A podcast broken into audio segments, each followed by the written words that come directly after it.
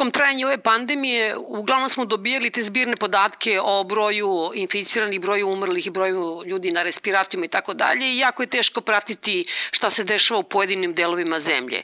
Nedime, kako bi ti nama ukratko opisao pandemiju u Vojvodini, odnosno kako je reagovao zdravstveni sistem? Pa ja mislim da manje više u celoj zemlji je na isti način reagovao zdravstveni sistem. On nije reagovao adekvatno i toliki je u jednom periodu bio priliv pacijenata da sistem nije nije funkcionisao. Bilo je čak i slučajeve da recimo u samom COVID centru na novom naselju, a u poslednje vreme postoji samo jedno mesto na kojima oni koji su bolesni i koji žele da provere da li su COVID pozitivni ili žele da jeli, traže medicinsku negu, postoji samo jedno mesto u Novom Sadu, a dešavalo se recimo da jednostavno prestane da funkcioniše kompjuterski sistem, software da padne i da pacijenti čekaju po nekoliko sati da bi on ponovo počeo da radi, a da umeđu vremenu se ne pruža medicinska pomoć pacijentima.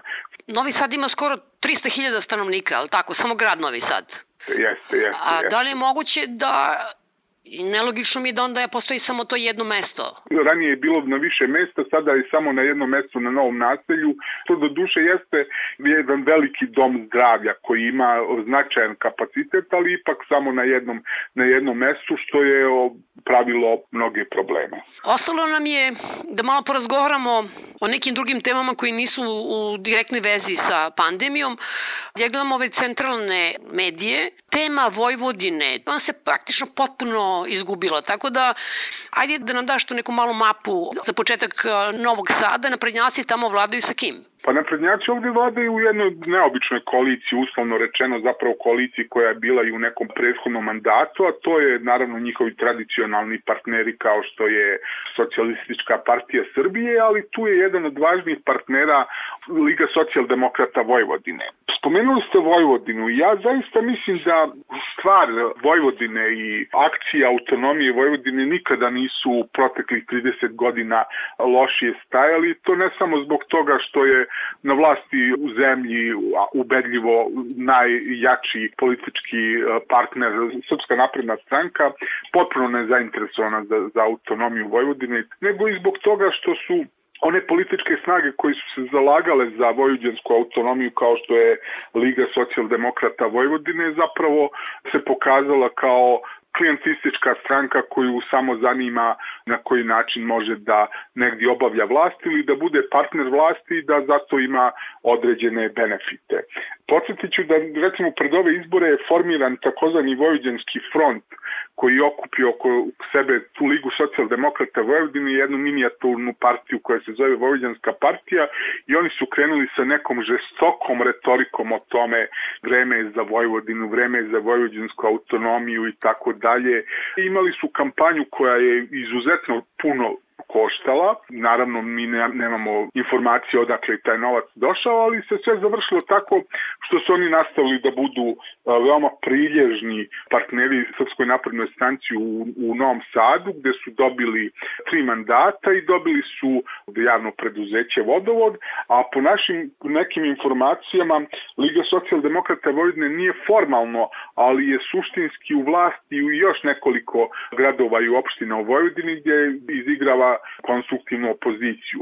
Ja bih samo još rekao jednu stvar, ono što nije recimo bilo vidljivo u javnosti, ono što se dešavalo u Novom Sadu, jeste da je Liga socijaldemokrata Vojvodine stvarajući taj vojđanski front e, ušla je u nevladin sektor unutar Novog Sada i Vojvodine i tu je napravila priličan dar mar regrutovanjem nekih ljudi koji su njima bliski i to je zaista bilo prilično nedopustivo i recimo Vojđanski klub, jedna organizacija koja 30 godina postoji koja se bori za autonomiju Vojvodine je doživjela to da su zapravo e, stranački kadrovi Lige socijaldemokrata socijaldemokrata Vojvodine preuzeli tu organizaciju.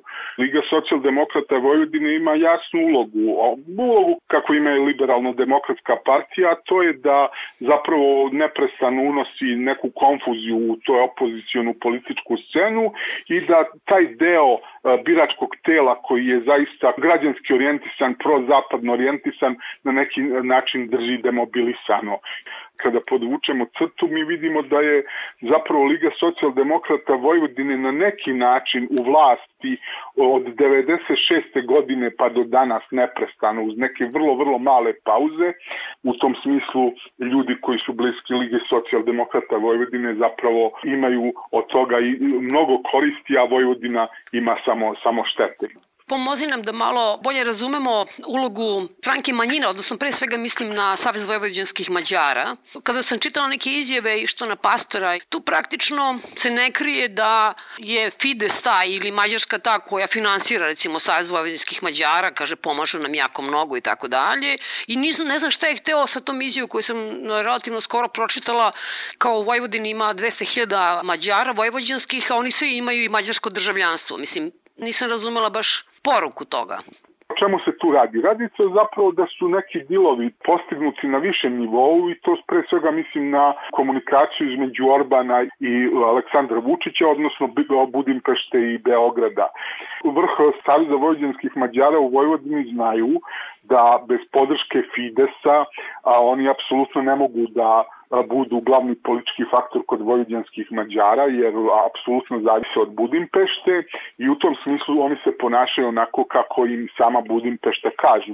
Ono što je interesantno i što je važno i što opet mislim da veliki broj građana Srbije ne zna, a mislim da je to interesantna informacija, jeste da je Mađarska uložila veoma, veoma velike novce u Vojvodinu, finansirajući e, projekte vojvođanskih Mađara, odnosno projekte onih ljudi koji su na neki način imali, koji ostvarili mađarsko državljanstvo, ali ne samo oni, nego su i neki drugi privrednici uspeli da dobiju sredstvo iz Mađarske. To je želja Fidesa da na neki način o, tim novcem jeli, pokaže svoj patriotizam u Budimpešti, a sa druge strane da na neki način, pošto građani Vojvodine sa mađarskim državljanstvom imaju pravo glasanja u Mađarskoj, da na neki način Fides sebi zagarantuje da će dobiti te glasove na sledećim izborima. Ono što je takođe interesantno jeste da je Savjez Vojvođanskih Mađara, ja verujem upravo zbog te snažne finansijske injekcije Budimpešte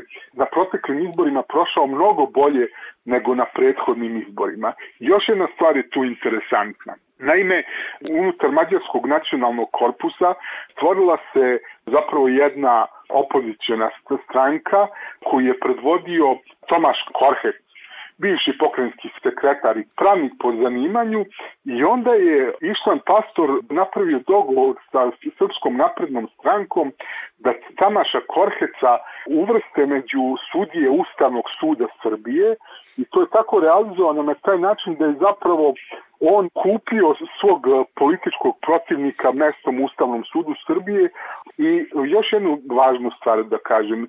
Srpska napredna stranka ostvaruje ne samo sa mađarskom velikom strankom, nego i sa strankama nekih drugih manjina i u Vojvodini, ne samo u Vojvodini, taj neki koalicijni sporazum koji zapravo podsjeća na koaliciju između nacionalista, gdje oni zapravo podele svoj teren i svoje interesne zone, svoje spahiluke i slično i međusobno zapravo suštinski ne komuniciraju.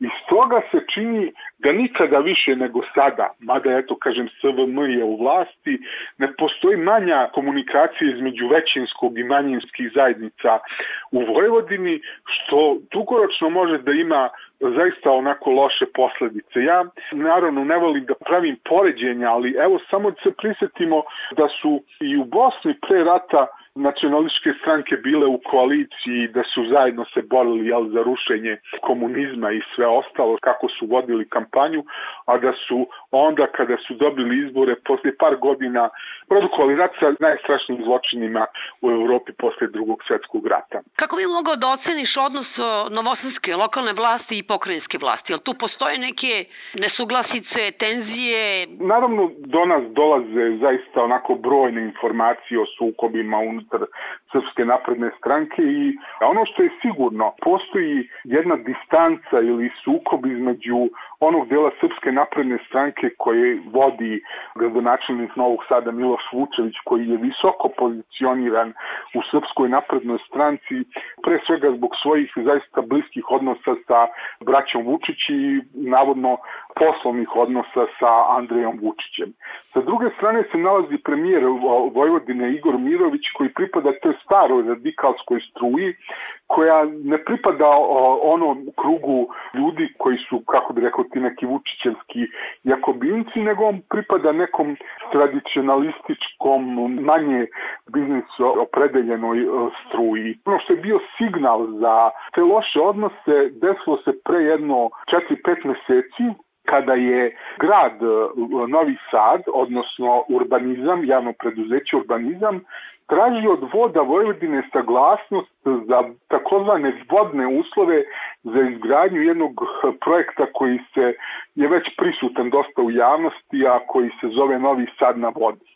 I onda su vode Vojvodine koji su pokrajinsko preduzeće dali negativno mišljenje na, na taj projekat, odnosno upozorili su da taj projekat može da ima veoma loše posledice po građane Novog Sada. Onda je Miloš Vučević, gradonačelnik Novog Sada, rekao da vode Vojvodine To je tako nekako formulisao da se to nije odnosilo na vodu Vojvodine, nego zapravo i na celu pokrajinsku administraciju, predstavljaju kočnicu u razvoju Novog Sada. Taj sukob se završio tako što je smenjeni direktor javnog preduzeća Vode Vojvodine. Na čelo tog preduzeća je došao blizak Vučevićev čovek, Srđan Kružević koji nikako nema dobar imidž među građanima Novog Sada, koji bi očigledno trebao da otprilike natera inženjere voda Vojvodine da potpišu te takozvane vodne uslove za taj projekat Novi Sad na vodi. Vidjet ćemo da li je ta informacija tačna, ali očigledno grad i pored protivljenja i struke i građana nastavlja da radi na realizaciji tog projekta Novi Sad na vodi stvari tu je problem tako to izmeštanje nasipa i to ni manje ni više nego za 500 metara da bi se dobilo hektari i hektari građevinskog zemljišta, ali tako bih rekla ukratko. U, upravo tako. Taj problem je višestruki. Raznorazni građani i opozicione stranke u, u raznim, što bi se reklo, frontovima se ovaj, protive tom projektu iz nekoliko razloga. Prvi razlog je samo to izmeštanje nasipa 500 metara u korito Dunava, koje, e, znači, po rečima stručnjaka, i ne samo iz Voda Vojvodine, nego iz Instituta za vodoprivredu e, Jaroslav Černi, može da prouzrokuje i uzvodno i nizvodno poplave. Druga stvar je u tome što se time Novi Sad gubi zapravo pluća grada, jedan od tih delova gde bi trebalo da se gradi džinovski stambeno-poslovni kompleks, predstavlja zapravo najveću šumu na području Novog Sada, znači sve to se baca pod noge, zarad jednog sumanutog, ogromnog projekta gde se planiraju 20 spratnice da se na tom mestu idaju, iako Novi Sad zapravo nema problema, on je u ravnici i on zaista može da se razvija na različite strane bez potrebe da se rade takva građevinska zlodala. Citiram sad jednog bivšeg gradonačelnika Novog Sada Novakovića, kaže, Novi Sad je postao neka vrsta mafijaškog čvorišta, gde se pere novac na različite načine, pa sad je to, ne znam, građevinarstvo, ali da se novac pere ili koristi znači za kupovinu poljoprivrednog zemljišta. I to čije danas nekadašnje poljoprivredno zemljište u Vojvodini, ko to kupuje, kako se kupuje, to je tema koja ne postoji, a ogromna, ogromni hektari su u pitanju i ogromna vrednost zapravo. Ja se potpuno slažem sa tim i što se tiče Novog Sada, teško je to naravno dokazati, a postoji zaista bezbroj indicija da se zapravo u građevinskoj industriji u Novom Sadu peru ogromni, ogromni novci, na, a na kraju firma koja danas na svakom čošku u Novom Sadu gradi to predimenzionirane stvari, Galens je firma koja se dovodi recimo u vezu sa Miloradom, Miloradom Dodikom. Ali ono što je tu bitno reći jeste način na, na koju stvar funkcioniše. Galens, navodim njihov primjer, pošto je on najsvežiji, kupi neko gradsko građevinsko zemljište gdje je dozvoljena neka gradnja određenog objekta, određene spratnosti. Onda se promenom urbanističkog plana tu dramatično poveća broj građevinske površine i spratnost i time se ostvaruju zaista ekstra profiti. Što se tiče poljoprivrednog zemljišta, tu imamo dva aspekta. Prvi aspekt je baš je uh, bivši gradonačelnik Borislav Novaković govorio u javnosti o tome, a to je da recimo neke firme opet bliske gradonačelniku Novom Sadu Milošu Vučeviću i navodno Andreju Vučiću kupuju poljoprivredno zemljište u okolini Novog Sada i onda se izvrši prenamena tog poljoprivrednog zemljišta u građevinsko zemljište, gde se zapravo omogućava isto ogroman profit jer se odmah tu zidaju zgrade čitava naselja koji se kasnije prodaju ti stanovi po nekim jeftinim parama što i nije neobično jer to zemljište na kojem je to izgrađeno je kupljeno kao poljoprivredno zemljište koje je po pravilu jeftino. A što se tiče generalno poljoprivrednog zemljišta u Vojvodini, to zaista jeste, jeste ogromna priča i trenutno se donose izmene i dopune zakona o poljoprivrednom zemljištu koje će domaće e, ratare, poljoprivrednike, seljake dovesti u jako loš položaj jer oni neće moći niti da kupuju, niti da iznajmljuju državno zemljište pod uslovima koji novi zakon nalaže, nego će to biti samo omogućeno ili, kako oni kažu, stranačkim tajkunima ili velikim privrednicima kao što je taj nemačka, nemačka firma Tenis. Mi još uvijek nemamo informaciju da li je Tenis odustao od u Vojvodinu ili ne. E sada, to je tema koja apsolutno nije prisutna u našim medijima, a zapravo je životna priča svih nas koji planiramo jeli, da živimo na, na ovom području u narednom periodu. I na kraju, Nedim, ne možemo da preskočimo najnoviji posao koji je sklopljen naravno pogodbom direktnom pre dva meseca, a to je ovaj Fruškogorski koridor. Ja sam pokušao u razgovoru sa stručnjacima da u tekstu u vremenu da, da to tematizujem i smatram da je to naravno jedna od veoma, veoma važnih stvari, a to je kuda odlazi i na koji način naš novac. E sada, o čemu se zapravo tu radi? Radi se o tome što je taj Fruškogorski koridor počeo da se planira još 2009. godine, kada je napravljen neki regulacioni plan, ako se ne varam da se zove regulacioni plan, u kom je procenjeno da bi troškovi izgradnje tog Fruškogorskog koridora trebala da budu oko 150 miliona evra.